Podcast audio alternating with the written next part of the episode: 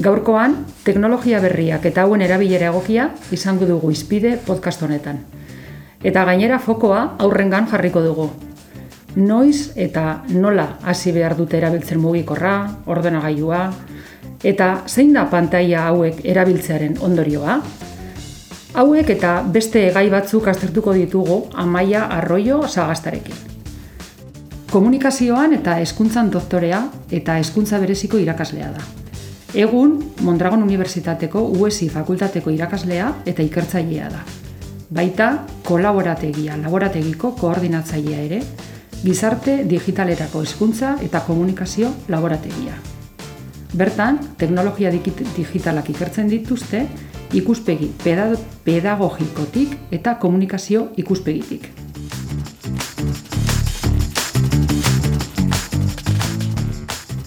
Kaixo Amaia eta ongi etorri. Kaixo. Bueno, az gaitezen ba mamian sartzen, ezta? Elkarrezketarako aitzakia be badugu. Aurrak eta pantailen erabilera aritmendi ikastolako gurasuei bideratuta lantzen arizaren gaia. Egia da aktualitateko gaia dela eta honetaz interesatuta edo arduratuta daudela ba guraso zein irakasle ezitzaileak, ezta? Bai, bai, Rosa, ze azkenean egoera asko aldatu da, ez? Eta gu ume ginenetik orain guraso ganerera, ba, ba jauzia handia dago, ez? Horrek gurasoei nola baiteko, e, bueno, ba, kezka edo sortzen digu, ze estrategia falta zaizki, gulen, bueno, ba, den pantaiak, ez, ume ginenean, eta orain badaude, eta, bueno, ba, berre, noiz eman diezaioketnik pantaia umeari, asko ematen ari naiz, edo denbora gehiegi, edo orduan kaldera potoloak etortzen zaizkigu e, burura eta eta arrazoi ez, ez? Mhm. Bai, egisa da jakimin eta kezka sortzen duen gaia dela, ezta? E, gai honetaz edozein artikulu irakurrita, ba mezuak beti dira tono berekoak, ezta? Alerta, arriskua eta seguruenik ba pantailen gehiegizko erabilera ero, ero ulertzen dugulako, ezta? Gai honetaz eh, hitz egiten dugunean. Baina erabilera egokia orduan zein da? Osea, zeintzuk izan behar dira, kontutan hartu behar ditugun irizpideak eta nola neurtu erabilera ona, praktika ona? Ezelako galdera potoloak ez da. ez horre kontua da, bueno, diskurso alarmistak oso ondo saltzen dira, ez? Arreta bere ala bere ganatzen dute eta orduan, bueno, ba, errezak dira jendearen gane zabaltzea eta baina nik esango nuke, gai honetan besteetan bezala txamponaren bi aldea daudela. Badago alde ilun bat, baina badago alde esan ilun eta polita edo baikorra den beste bat, ez? Eta orduan gure praktika, gure erabakiak saiatu alik eta gehien enfokatzen alde baikor horretan naiz eta alde ilun hori egon badagoen eta kontuan hartu behar dugun. Orduan, erabila egoki hori, naiz eta formula magikorik ez egon, ze, bueno, ba, eskuntza eta eziketa kontuetan, familia bakoitzak badauka bere, bere egiteko modua, ez? Orduan, gai honetan ere alaxe da. Eta nik uste dut garrantzitsuna dela galdera e, potolo batzuk egitea, hau da, guk e, teknologia erabiltzen dugunean zer pentsatzea zer eskaintzen digun gure umei, zergatik, zertarako, zen denbora, norekin egon behar diren, ez? Nun, ez da berdina logelan edo beraien logelan edo edo egongelan edo sukaldean baina batez ere galderarik potoloena eta interesgarriena biti da zertarako. Zazkenean, zerbait eskaintzen diagunean gure aurrei, e, nire uste zeuki behar du balio erantzi bat, ez? Eta hor dago pizkat goska, koska, ez? E, azken finean, e, egon daitezke olako ideia orokor batzuk, e, ba, bi urte terderiekin e, ez da gomendagarria mobil erabiltza. Baina gero, pentsatzen badu zertarako, agian, izan liteke, ez?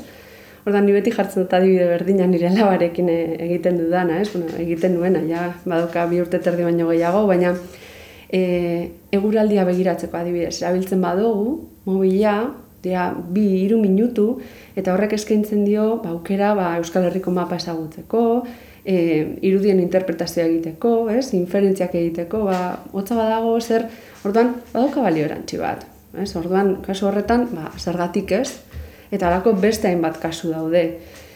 Iunak ere badaude, baina saiatu behar gara, behintzat, eh, galdera erantzun, e, balio erantzi horretatik. Mhm.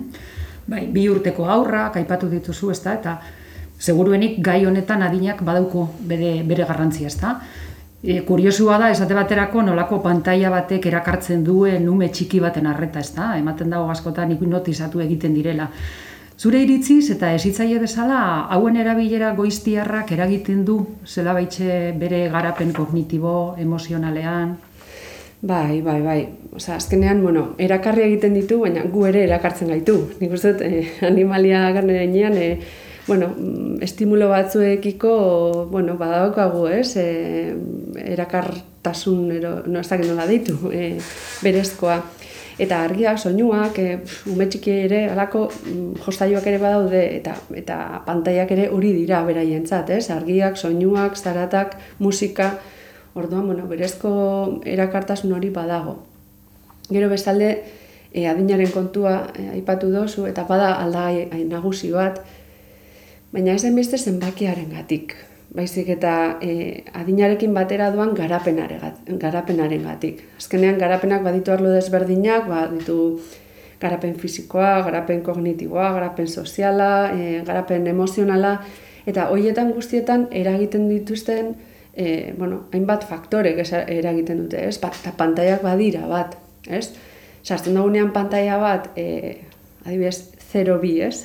0 eta arte hortan, e, claro, beraien garapenaren oso e, tarte esanguratsua da, beraien gorputza esagutzen dute, ibiltzen ikasten dute, begira da harremantzeko oinarriak sendotzen dituzte apur bat, ez?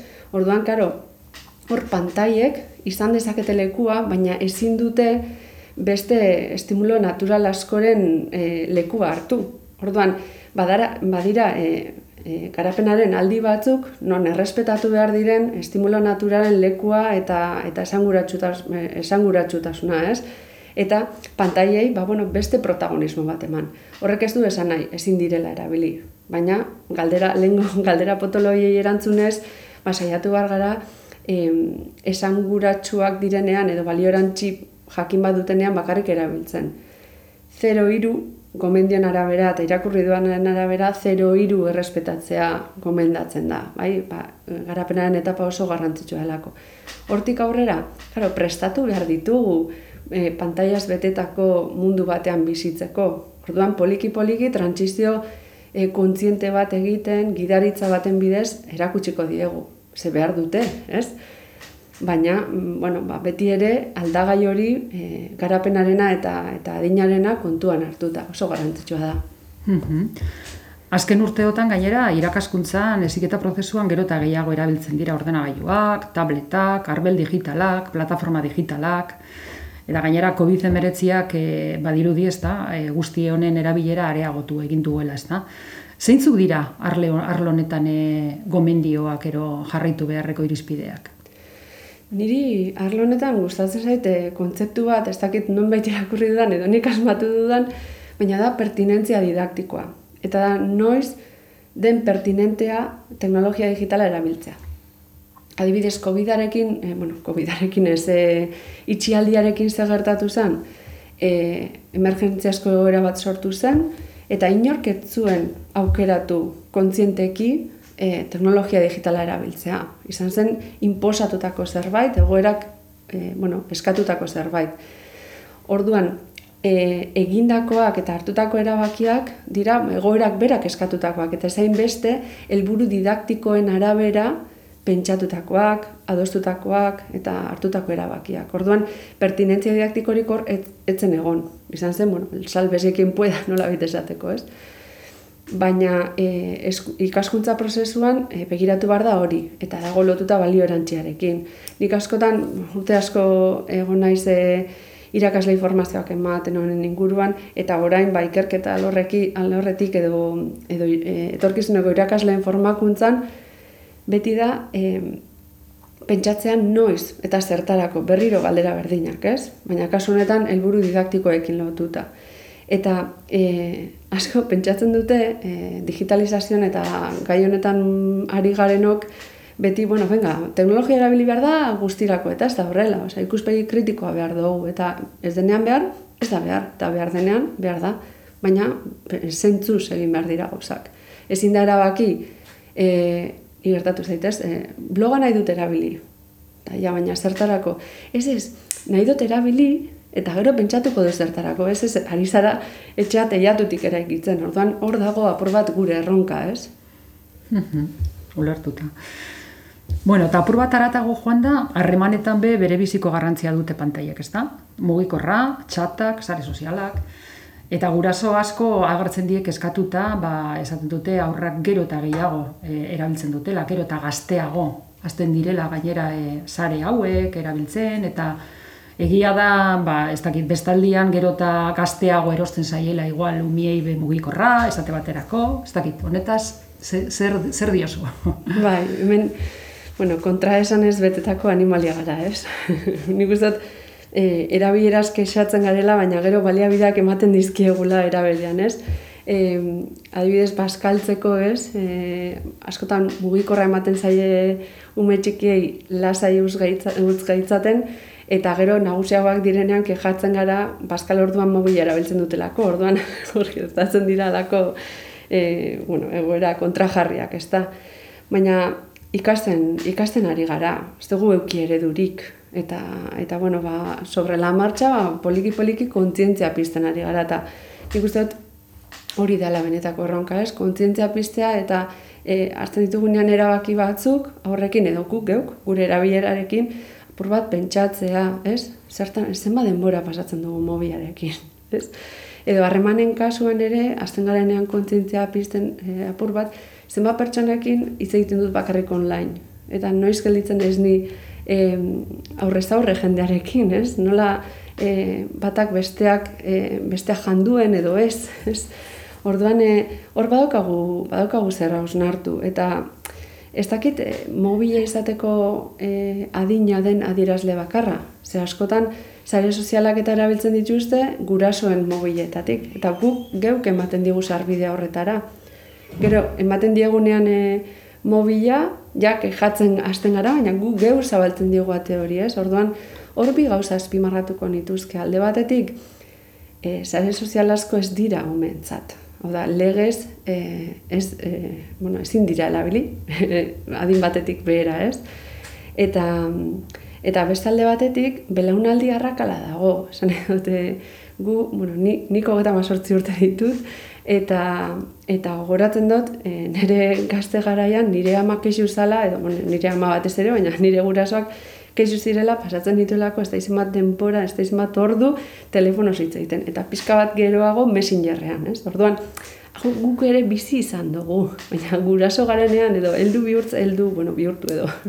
Garatzean apur bat astu egiten zaizkigu gauza batzuk gaztearoan edo aurra ginenean ere gertatzen zirela. Orduan bueno memoria pixka bat egitea ondo datorkigu eurak be, euren e, egoera be ulertzeko. Mhm. bai, memoria egitea eta eredu izatea. Claro, batez ere. Zuk esan dozun hori, ezta.